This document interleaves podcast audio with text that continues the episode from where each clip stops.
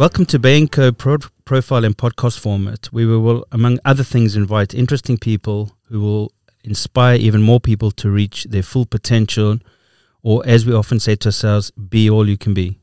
I'm extremely excited and very, very happy to to welcome Anna Borgstrom, CEO of NetClean, um, and let's see if we can uh, hear a little bit about a little bit more about Anna. So, warm welcome, Anna. Thank you very much.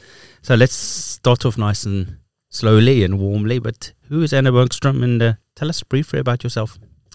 Oh, that's that's a difficult question. Who am I? Well, I am. Um, today I'm actually 50 years old. If I start with that. Congratulations. Thank okay, birthday wishes. Welcome. Yeah. Wow, wow, wow. Congratulations. Thank you. But uh, who I am is that I am. I'm really.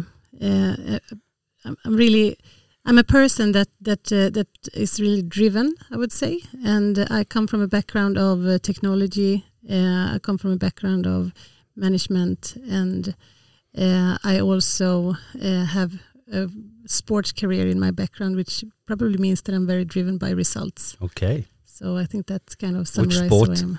So I, I, was playing football when I was younger. You were right. Yes. Yeah, so okay.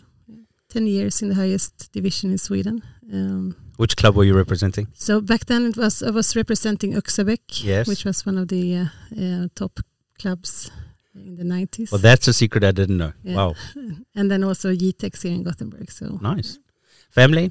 Family, yes. Two, uh, husband and two two daughters, 15 and 18, okay. and a small chihuahua. Oh, nice. So nice and busy. Yeah. And how, how would you describe yourself in three words? Yeah, as I said, I think I'm very positive from the beginning. I think I have some kind of uh, I'm I'm always looking on the bright side. Um, I think I'm very driven, and I think I'm very stubborn. Um, yeah. And does stubborn get you into trouble? It gets me into results. Love to hear it. Um, and what do you do for work-life balance? I mean, we all you know work hard these days, um, but what do you like to do outside of work? So, since I sports have always been an important part of my life, I still train a lot. Um, not just not not not to you know perform, but just to to keep fit and healthy. And uh, I do think you know when you're working hard and, and long hours, um, I really need that to to uh, um, to ground myself. Mm. So I do that a lot. But do you build yourself into having kind of a, a, a habit of doing training at certain times, or do you just do it more as it comes, or when you have the time? I, I, try to do something every day. Uh, I go to the gym quite a lot, and Good. and I'm even if it's just for half an hour, I've been there. Uh, so I try to do that even when I travel. You know, Good. get some time to just lift some weights or go for a short run or whatever. Very nice. Good. Um, I want to move on to to NetClean. That's you know part of the reason why we're here. But a little bit about the backstory. So you wrote a short article which was titled "Would You Act the Same in the Physical World?" Um, and I really enjoyed reading that. But but also you drew some findings from uh, WeProtect the Global Alliance Summit, uh, Turn the Tide on Sexual Abuse, and then you mentioned four important things. Um, firstly, you mentioned that the scale and the complexity of child sexual abuse exploitation is increasing. The U.S. National Center for Missing and Exploited Children processes on average 60,000 reports of sexual abuse online every day and this massive volume of reports put a lot of pressure on the law enforcement agencies across the world. A huge complexity to identify the prosecuting people that distribute and consume, and the volume of offenders and over, overwhelms the law enforcement's capacity to investigate, arrest, and convict. And fourth, the growth in the consumption of child sexual abuse material is believed to be driven by opportunity rather than pedophilia, linked to the three A's anonymity, affordability, and accessibility. Shocking. Yeah.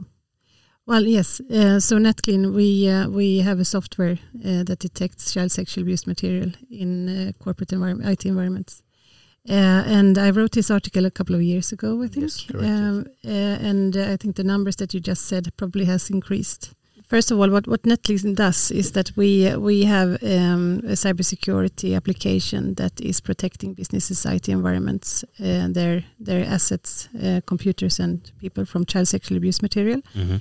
And uh, if you think what happened during the pandemic, um, suddenly everyone was working from home, and that put a lot of demand on uh, how company works with uh, securing uh, their assets, the computers, and um, that comes back to the three A's also when it comes to CSAM consumption. Mm-hmm. when you when people were working remote in a high in a big scale. Mm law enforcement agencies could see that the uh, um, the sites on the dark web that is uh, used to, to distribute CSAM, mm. the activity on those sites were increasing, mm. and uh, and uh, uh, also for people working at home, we could see that the work-life balance kind of melted together, and the uh, company computer were used to do other personal stuff. Mm and of course, if you have more time at home, you have a sexual interest in children, you have a computer, you have a network connectivity, uh, you may have a bit of overall stress due to the situation of COVID. There was very easy to to uh, it was an easier route to actually consume this type of material. Yeah. And I would also like to to uh, to uh, talk about CSAM from an, a security context because uh, these types of, of images are often not found on the opennet. Usually, the distribution of this type of images starts on dark web and shady places on the internet mm -hmm. through peer-to-peer networks, mm -hmm. etc. Mm -hmm. And uh, uh, that means that a lot of other things uh, can, when, when, you download an image, a lot of other things can follow that image, like malware and, and ransomware, okay. etc. Yeah. yeah. So. Um, our companies that that has deployed us in their organization uh, for them, Netclean is more like more of a trigger event than mm-hmm. anything else. It's it's a something that is triggered in the IT environment, saying that hey, this computer is uh, something is happening here uh, that is it doesn't look good, and then they can use other um, security like SIEM solutions like uh, Microsoft Sentinel or Splunk or whatever they work with. Uh, to look further into the uh, endpoint and see what has happened, and also look at the individual behavior of the person that was working on the computer at that time. So, so that is really what we are about. We we we are um, taking care of a known vulnerability for a company that no one else does, and uh, we are gap. We are filling a gap in in uh, um, exist existing security portfolios. Okay, interesting. And I, suppose the main question to, to come off that is what's the responsibility then for the government? Well, I think that everyone that has internet connectivity and are uh, handing out uh, equipment uh, that can access internet uh, needs to do something about it. If, if you oh, needs to secure them, mm-hmm. not just from a Netclean perspective, but also from uh, from uh, cyber cyber threats to the organization. But do, do the government have a, an invested interest in this type of agenda, or you know, is there or do they point it back to the, the commercial side and to the to the companies? Well, I think that if you look at what's happened in the UK uh, a couple of years ago when David Cameron was uh, um, prime minister, he actually um, took CSAM uh, to to the same level of uh, national threat as uh, as uh, terrorism. Really? yeah. So so wow. they are really serious about this because they see that uh, CSAM is not just it's not about the image it's not just about the victims it, it's it's a health it's, it's like a, it's a, it's a pandemic of it's, its own it's a disease yeah. Yeah so uh, um, and when he did that um, that meant that uh, uh the law enforcement agencies were getting funding and could invest in technology etc and they are also looking into um, tightening up the leg legal systems and legislations around CSAM uh, so I would say if you look at where we are now and, and in 10 years uh, forward, um, there will probably become some kind of legislation to to um, to, to to report this kind of. Mm. I mean, it will be happenings. probably a, responsibility for them to mandate this type of software or, or similar to to be pushed into the environment regardless, yeah. and, and make it a law. I would, I would, I would think so. Um, so why? But why wait ten years? Because it's a really big risk. I mean, if you have a person that has uh, uh, consuming the, that are consuming this type of images, uh, uh he and she can easily be be be uh, blackmailed for company sensitive information because uh, these people um, they know that if they get caught, li life mm. is over. Not just for them, for their kids, mm. for their family, for their you know social life. Uh, so they would do anything mm. uh, in order not to be caught. And you don't really think about the context in that. You think, okay, they're downloading those images, but then there's also the risk of somebody again blackmailing them. So that has a much bigger implication, also. Absolutely, and also the uh, the other uh, stuff that it's contracting, um, yeah. and also it's not uh, uh, these type of images. You don't share um, images; you share links. Yes. So I send you a link. Yes. Click on the link, and you will find uh, what yes. you want, and you do, and then you know it's an even bigger risk. And the companies, what what sort of mandate should the companies have? Then should they take the same approach that every company should have this within their IT framework, or?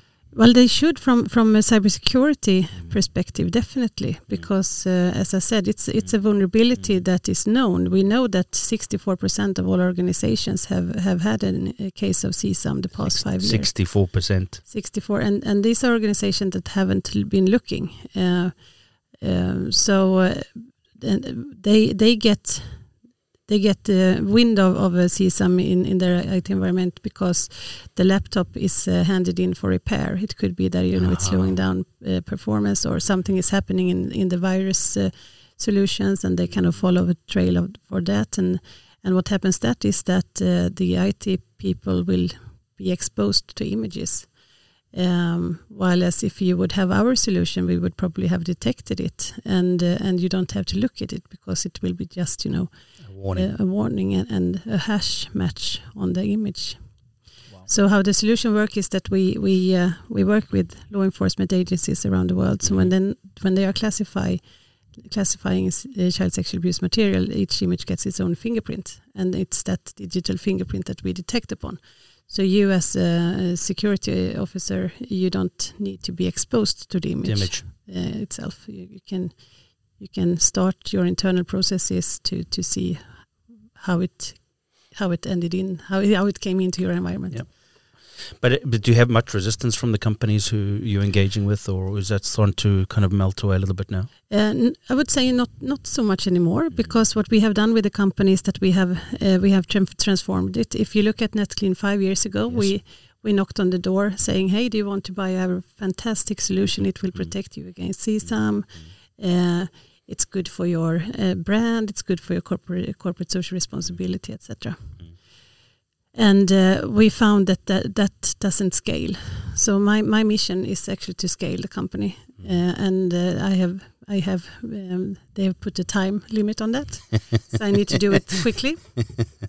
Uh, and uh, we we want to so so we went back to the drawing board, thinking about how do we scale the company in the most efficient way and the answer for us was we have to go to uh, through the channel, um, through distribution and, and, sales partners. So we have the past two years built um, our solution in a different way, our technology. We have it more open, so you can integrate it into existing uh, security mm-hmm. um, tools. Um, and uh, we are using, uh, or we are building partnerships with with security partners that can uh, bring us to the market uh, as one piece in their security. I understand, rather suite. than individual. Mm. Uh, so, so I say when when we when we fit in there, it's not a resistance anymore because um, they understand that there is a gap, and they uh, and and we also create a value not just for uh, the end customer but also for the partners, mm. because what the partners are doing is that they're building managed services on top of us. Um, mm and uh, if you think about how the cybersecurity uh, world works now, is that a lot of companies are outsourcing it because it's so complex, mm -hmm. and uh, and uh, that is actually um, give that it's a good advantage for us because we we may be very niched, but uh, you can build very nice services around us. So so you as a partner can have a very high sort of margin yep. on our. So it's offerings. a package. Um, we touched a little bit about NetClean and what you do, but give me a little bit about the history. So, you know, where was it started? A Swedish company. Uh, to, you know, if we go out from past to the present, give me a little bit of insight to the company in terms of size, etc. Yeah, so it started um, 2003. I think they founded the company. It's a Gothenburg company for Gothenburg. Four guys: um, Pelle, Joachim, Matthias, and Christian. Mm -hmm. started the company. Um, they are not operating in operative in Netclean at the moment, but uh, Joachim Pellen and Matthias is on my board, Okay. uh, and uh, I'm very happy for that because they know the history and they see what we are trying to do now. Um, so they, uh, yeah, I had they are on the journey with us, which is nice to have when you have the founders, of course. Uh, so the reason they started this was that they saw the need for it. Um, they saw the need, or they they, they understood that uh, this is a problem that is growing, and they kind of thought that no one in, in no company in the world would like to have this in their sort of uh, environment. And I must say, when I started uh, almost 15 years ago now, um, they uh, they said we have this vision. We want to we want NetClean to protect every computer in the world. And uh, I was like, wow, that that's Big ambition. that's a big ambition, and I like big ambitions. So I kind of took that to, to my heart, Yeah. and uh, we have tailored it a bit. So now we want just to, we, we are working with work work computers. Uh, so uh, that also puts us in, you know, our our segment is uh, the the corporate space. Yes. Okay. And what's been your journey?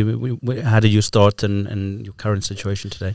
I started as a sales in sales. Good. Uh, yeah, I love that. So I I started to actually uh, sell NetClean um, and uh, knocked knocked on door, uh, doing cold calls. Uh, I have a, I ha- however have always sold the product out of a, a kind of technology and security angle.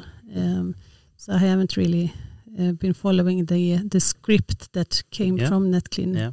15 years ago, which was more about, you know, hunting down pedophiles or whatever. So we, I would say that we have taken the company. Uh, I think that we all, I mean, it's it's like it's if you if you see NetClean as as a baby 15 years ago, I think that we can say that we are uh, adults now, Yeah. and uh, we are on a really good place. You found your place. yes. Yes.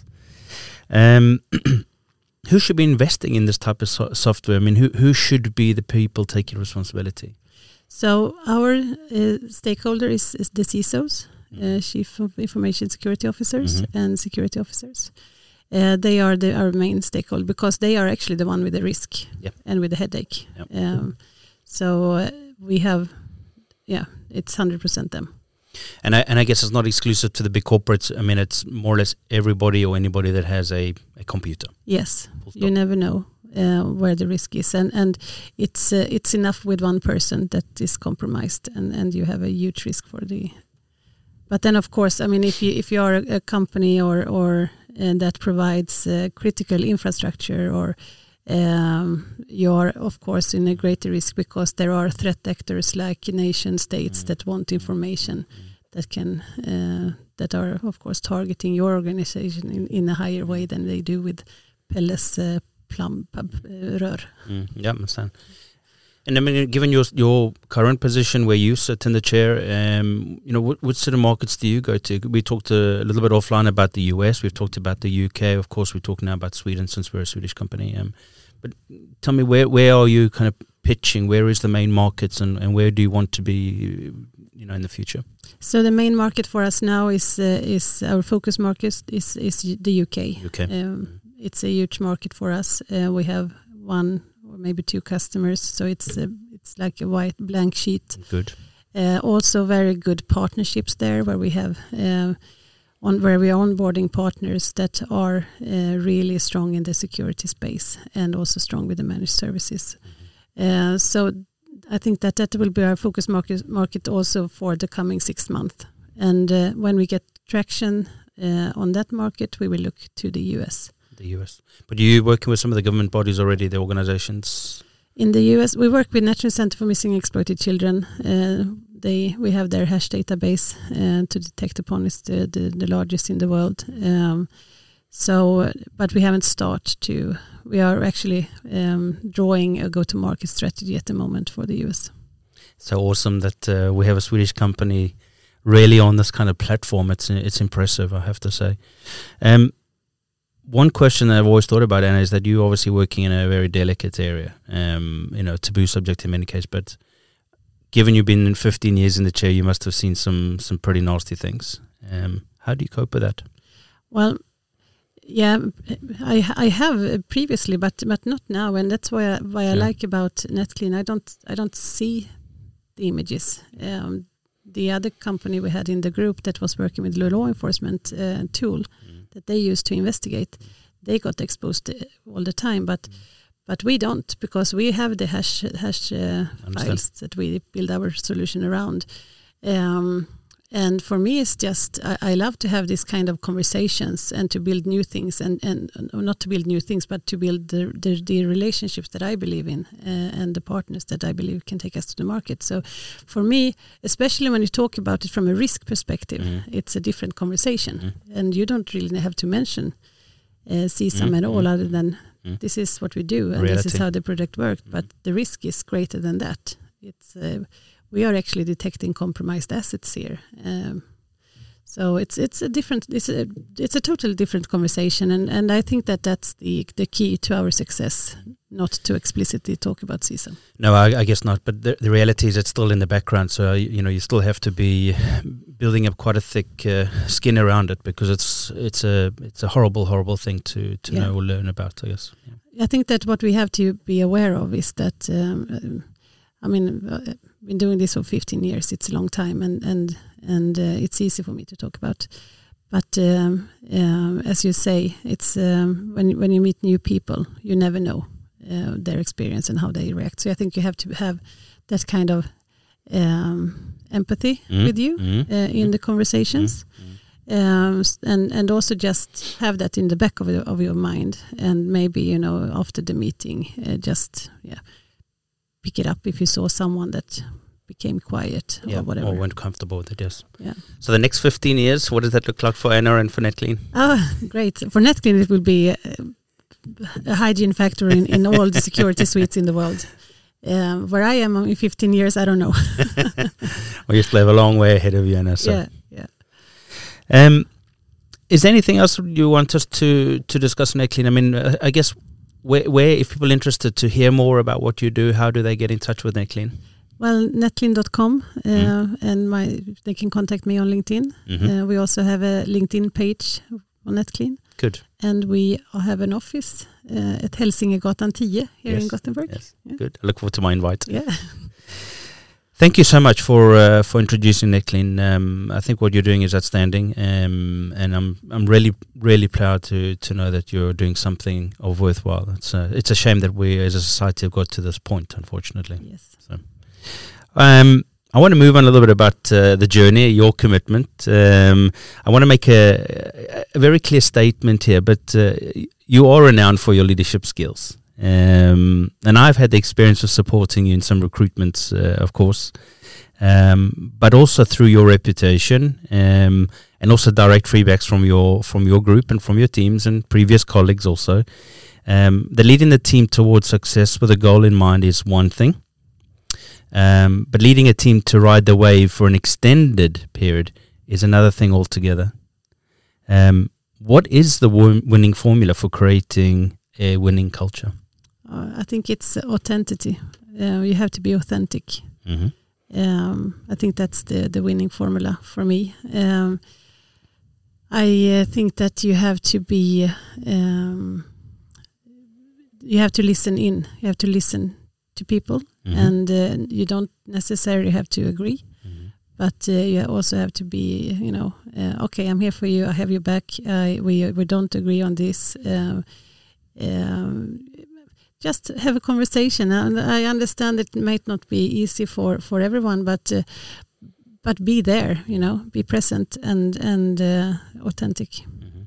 But uh, we talked a little bit earlier on your, your football career and you being, you know, very competitive. But does that come through now? I mean, okay, you're 50, maybe you've you've settled down a little bit more, but do you still have that uh, competitive edge and you know really wanting the results, or or do you really kind of let the others take on on that kind of culture themselves? Oh, that's you. You are hitting a nerve here. so yes, I, I I I have that in me. I want to I want to see results, and I can be very impatient. You know, I can you know I want it now, and and that is actually a challenge I have in my own leadership because uh, um, I I understand that I need to back away a bit Good. to let ev- other sort of uh, um, Step in. step in. but uh, it's really hard, especially when you're driving transformation and you have a vision and you want to get there quickly. It's so easy to just, you know, um, step on someone or you know, yes. point too much direct with the whole hand, saying we are going this, so I don't care, you know. But uh, so yes, I'm I'm I'm kind of struggling with that. But I think that also if you if you if you have a team and you have you have a good team and the trust and the trust, mm. they they know that uh, they they can see okay, Anna is react, reacting like this now because she she is this kind of person, mm. And uh, I think also that when you are a leader and you feel that you have uh, gone too far, uh, you have to say sorry uh, and you have to say, I, I, I, will try to do better. I mean, we are all we are only humans, right? Uh, in the in the end. Let's not forget that. No. Yeah. Um, and what or how does one do to to maintain this winning culture over time? It's one thing getting to a point where the success is there, but it's maintaining that success. And you know, in, in, in real life, that doesn't happen in a consistent way because of different factors. But the idea is to try and drive that as for as long as possible. So how how would you maintain that over a period? Well, I think that working with, with the culture is very important, uh, and uh, and that's also it, it's, it's not easy because uh, um, it, people change, and I think that mm-hmm. especially after the pandemic, it's been really really hard, mm-hmm. Um, and we all think about now the work office and the work and the culture we have in different ways. Uh, so we talk about that a lot in my management team. What is what is our what is the office role? How do we how do we create a winning culture? Uh, how do we create a culture of speed? Mm. Because we would like to have that. Um, how how do we get that when people are working remote? Mm -hmm. um, Good question. It's really really hard. So I don't I don't have the winning concept for that yet. and if you find someone, I'll let you know. Yeah. We have some more time. Um, how do you handle failure in the group? Oh, yeah. Very good question. Uh, I would say talk about it, mm. make a plan. Uh, okay, we are here now. How do we uh, how do we make sure it never it doesn't happen again? I think it's easier to handle failure in the group than having than handling failure with yourself. Mm. but I think it's about you have to recap. I mean, you have to you have to you have to think about okay, what happened here? What uh, what what what could have what was in our mm. control, what was not in our control, and how do we uh, how do we make sure it? We and we're only human, continue. right? We're only human. Um, I love this question. Uh, what has been your focus and also you, your achievements um, when you look at your individuals? I mean, if we talk a little bit about you have a group of people in the in the organization, um, obviously in different levels uh, with different backgrounds. Um, and like you said, everybody's human, so we all make mistakes, but we all have our different uh, demands. As a manager, what do you think uh, is important for those individuals so that they can be all they can be?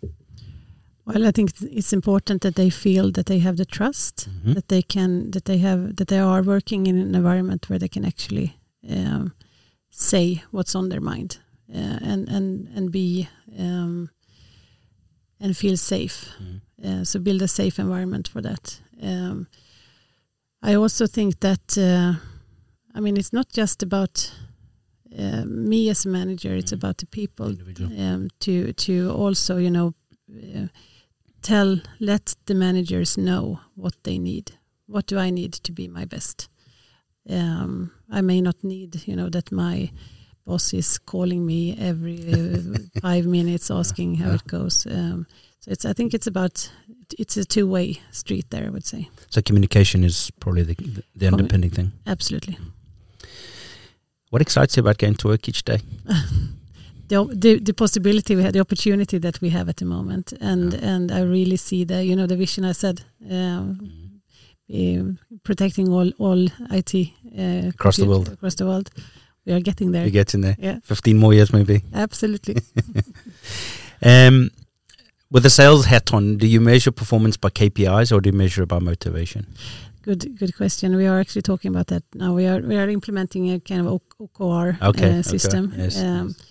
But also that also comes back to um, the me want to have the results uh, versus uh, letting other people sort of uh, uh, step forward. Uh, so uh, we will have we will have a OKR system that is very. Uh, it will be still measured on on uh, our financials quite Okay. hard because uh, Mm. that is the most important thing for us. We have to increase our sales. Uh, but at the same time, we have to build a culture and and uh, uh, where everyone feels that they you know are driven towards that goal. Mm. And they're each contributing on an individual level rather than just on a financial level. Good. Yeah. Have we missed anything about leadership that uh, you'd like to put on the table? No, I, it's not easy. No, it never No. was be. And I don't think it's it's one one one uh, one playbook. No. It depends on the people you have. It depends on the people you are. It depends on the mission you are on. Um, so yeah, And did you think 15 years ago when you started off in your sales role that you'd be uh, Anna, the CEO of NetClean, with a, a reporting team and uh, an objective to rule the world? Did you did you ever see that coming? I've never been aspiring for the CEO role really. Really? Uh, Okay. No, so it's. Uh, uh, no, so I would say no to that question, but I'm happy I am now because I, I like to I like to have the uh, um, opportunity to uh, to pave the way. Good. I want to really get into to Anna more, not just leadership, but um, you've probably met a lot of different people, but also exciting people along the way in your in your career. Um, how has this shaped you, and, and what tools have you taken away or, or brought with you? I think it's shaped me a lot. Uh, I think that uh, the uh, the leaders uh, I have met and the leaders that I kind of uh, look up is a very big word, but you know are inspired by are leaders with uh, with um, human touch. Uh, and uh, and uh, I think I have I'll, I'll try to learn from them. Uh, I have built a network um, with them, and I uh, actually talk to them on a regular basis, and they uh, uh, help me with Mhm. some of my issues and, and make me see. Um, And did they give you specific tools in terms of how you should be as a as a leader, maybe, or even as a person? Or yeah, I think that goes hand in hand. Mhm. Um, so uh, yes. Um, maybe not tools, but way of thinking uh, based on their experience. And uh, I do think that uh, we talked about, you know, uh, success. How do you build success? You can't build success unless you fail, because good point. it's it's when you fail Very that you point. that you that you actually learn. Uh, so I think that that's more interesting in in a person than its success. It's about okay, how did you manage your failures? Mm. How did you overcome them, and how how do you kind of keep going? Um, and and the people I have built in my network is helping me with that Awesome. based on their Awesome. experience. Habits. Um, so, what what habits do you put down for yourself to to keep motivated? I mean, you're obviously working in a challenge, challenging environment, and and how do you keep uh, focus on developing your team and developing yourself? Um, habits is uh, is my exercising. Mhm. I, I, you know, Good. taking also sometimes distances distancing myself um, away from um, people and and uh, giving myself a half half day Mm. just to you know uh, Rewind. rewind go in go, go for a walk in the forest with my chihuahua or whatever just to to get some space um, and I think that uh, that's something that I, I really encourage my management team to do as well. Good. They can't take care of others if they can't Take take, care care of of themselves. themselves. Very good Um, point. Um, if you had to give yourself one piece of advice, having rewind back to the start of your career, what would you have said to yourself, Anna? What would you have said? Don't do it. Do it. Uh, don't take it so seriously. Good. Um, that's one thing, uh, and and it I mean uh, situations that that uh, that occurs. Uh, it's not the end of the world. really Um, human. Remember. exactly and and keep going because because uh, if you if you have if you if you have a goal and you want to reach it you have just have to find a way to it Good. And where do you get your inspiration from? um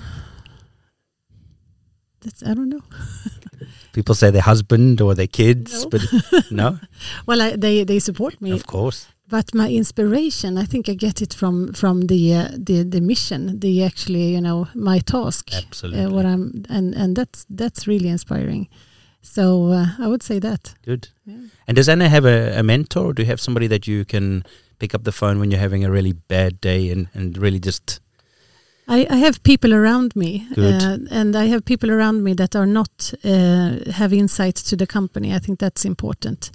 Um, but I do have. I mean, one one person that has been for me uh, the past um, s- four months now is actually Pelle, uh, who is the CEO of the Safer Society Group, and he's he's. Uh, I, I like to to have him as as uh, a sounding board. And it's uh, it's been really really nice listening to to all of these concepts. Uh, NetClean, the introduction, um, your leadership, I think is as I say very very inspiring. Um, it's really nice to actually sit here and, and learn more about Anna. Um, and, what I take away is that we are just human, and you're just human, and uh, I love it. I just love everything that uh, that you've presented today. Um, is there any leaving words you'd like to to offer anybody who's maybe making a journey into leadership? Um, or perhaps they are making a journey out of leadership, perhaps. Um, but anything you want to leave them as kind of a, a an inspirational piece, an an inspirational piece. dare to do it. I think also it takes a lot of courage to step down uh, and find something that that drives you. Uh, it doesn't have to be leading people all the time. I think you can be the best you can be um, if you if you find you know it it doesn't have to be the management. No, Thing. absolutely not. A lot of people wants to be managers and manage people, but they may not be the best at it. And just follow your dream. Exactly. Thank you, Anna. Um, and to all of those that are listening, um, you are the ones who give yourself the opportunity to reach your full potential. Sometimes the driving force is in the journey, sometimes it's in the results, and sometimes it's in something completely different. But never give up because you can do more than you think. Uh, and of course, we're here to inspire you and support you along the way. Create your future, reach your full potential, and be all you can be. Uh, and Anna, I wish you a fantastic birthday today.